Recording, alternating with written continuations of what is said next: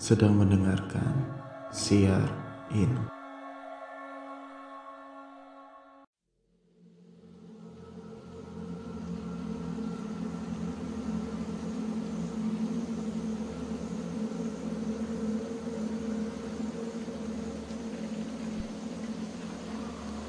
Halo teman-teman semua, untuk episode pertama ini aku mendapat cerita dari kita sebut aja namanya Pak Bambang.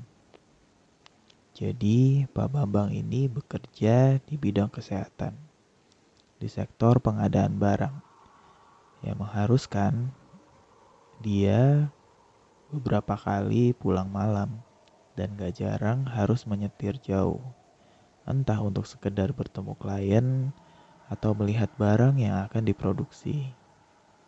Mungkin beberapa dari kalian tahu betapa sibuknya pekerjaan ini. Kita balik lagi ke Pak Bambang. Seperti biasanya, dia harus bertemu klien. Dan kebetulan bertemunya ini sore, sekitar jam 7 di daerah Cinere, Jakarta. Singkat cerita, setelah bertemu klien, Pak Bambang melihat jam ternyata sudah menunjukkan sekitar pukul 10 malam. Pak Bambang merasa harus segera pulang karena rumah Pak Bambang ini lumayan jauh dari Jakarta lokasinya ada di daerah Tangerang. Dimasukilah mobil Pak Bambang digas dalam-dalam menembus keramaian ibu kota. Walau berbeda kota, uniknya Pak Bambang ini lebih senang lewat jalan biasa ketimbang harus lewat tol. Karena terkadang malam hari pun tol arah Tangerang itu masih macet. Di perjalanan, Pak Bambang merasa nggak seperti biasanya. Hari ini terasa jauh lebih sepi. Hanya saat di kota Jakarta saja yang masih ramai. Sekitar satu jam perjalanan, masuklah Pak Bambang di sebuah jalanan di perbatasan Jakarta Tangerang yang sisi kanannya itu kali yang bisa dibilang cukup panjang dan sisi sebelah kirinya itu pabrik di mana pencahayaannya itu hanya ada di pintu masuk pabrik. Begitu memasuki kawasan ini, Pak Bambang merasa kok hari ini sepinya tuh beda ya nggak hanya jauh lebih sepi, tapi melainkan nggak ada menjumpai satu orang pun atau satu kendaraan pun yang entah dia hanya parkir di pinggir jalan atau hanya berpapasan. Dipelankanlah laju mobilnya. Karena Pak Bambang takut kalau misalkan ada hewan yang mendadak melintas. Lalu tiba-tiba dari kejauhan terlihat sebuah mobil dari arah berlawanan. Dari sorot lampunya, mobil itu merupakan mobil MPV yang cukup mahal pada masa itu. Sambil sedikit lega, Pak Bambang jadi lebih memelankan laju mobilnya. Hitung-hitung, ya ada temannya deh walaupun berbeda arah. Tapi semakin dekat mobil ini, Pak Bambang melihat ada sesuatu yang aneh. Dia melihat ada seseorang yang berdiri di atas mobil. Pak Bambang pun agak sedikit kaget, tapi dia tetap positif thinking. Dia berpikir, berani juga ya orang malam-malam buka sunroof di jalan yang sepi kayak gini. Bagi kalian yang belum tahu sunroof, sunroof itu kaca mobil yang posisinya ada di atap mobil dan bisa dibuka. dan semakin dekat. Pak Bambang kaget karena ternyata sosok itu sambil tiduran. Dan semakin dekat saat mobil Pak Bambang dan mobil ini berpapasan di depan pabrik. Pak Bambang kaget karena ternyata sosok itu merupakan sosok perempuan dengan rambut hitam kusut dengan lidah yang menjulur dan mata yang melotot ke arah Pak Bambang.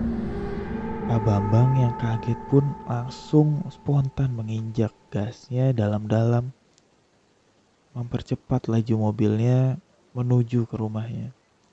Tapi di saat yang bersamaan Pak Bambang pun melihat dari arah spion.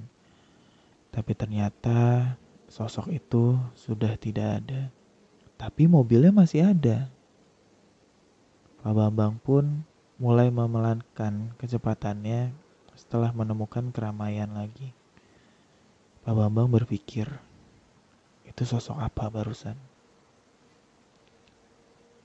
Ada satu lagi cerita dari Pak Bambang tentang perjalanan. Kejadian yang lain saat Pak Bambang pulang bekerja dari kantor sekitar pukul 11 malam karena lembur. Pak Bambang langsung tancap gas menuju rumahnya di Tangerang. Kali ini Pak Bambang menggunakan motor.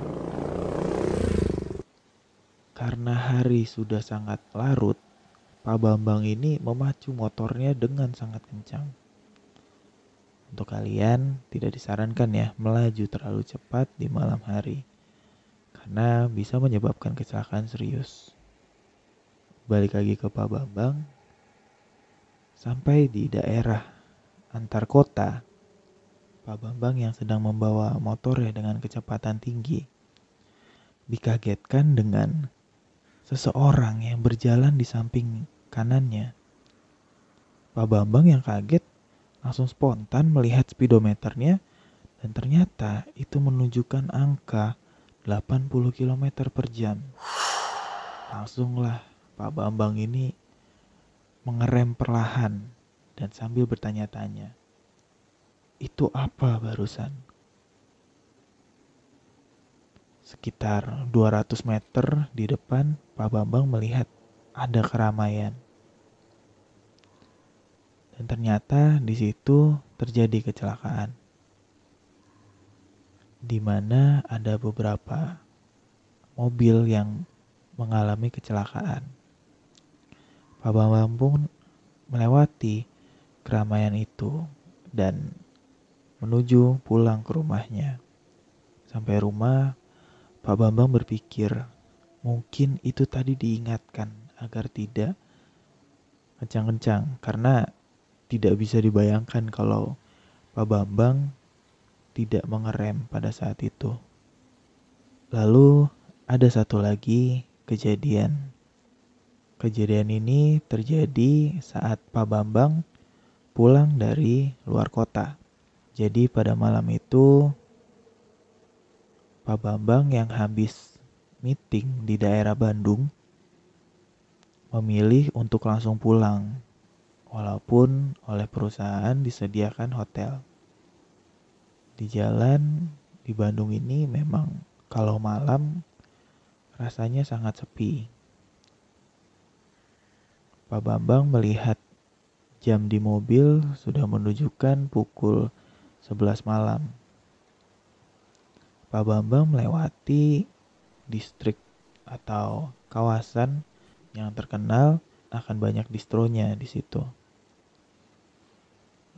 Setelah melewati kawasan itu, Pak Bambang bertemu lampu merah yang di atasnya terdapat jembatan atau bisa dibilang jembatan utama lah di Bandung itu. Setelah lampu hijau, Pak Bambang berbelok ke arah kanan. Setelah berbelok kanan, Pak Bambang ini jalan terus saja menuju pintu tol. Sampai di sebuah lampu merah.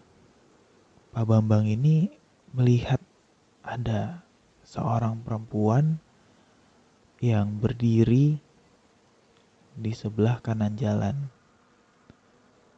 Pak Bambang ini memerhatikan kok kayak ada yang aneh ya dengan perempuan ini. Perempuan ini hanya menatap lurus ke depan dan yang bikin lebih aneh lagi dagunya menempel di dada. Pak Bambang sempat melamun beberapa saat tapi ternyata lampu sudah hijau diteruskanlah perjalanan sama Pak Bambang. Nah, di jalan Pak Bambang ini teringat sama perempuan yang tadi dan dia coba menempelkan dagunya ke dadanya. Kalian bisa coba deh. Kalau itu tuh benar-benar susah gitu loh untuk bisa melihat lurus ke depan dengan dagu yang ditempel di dada.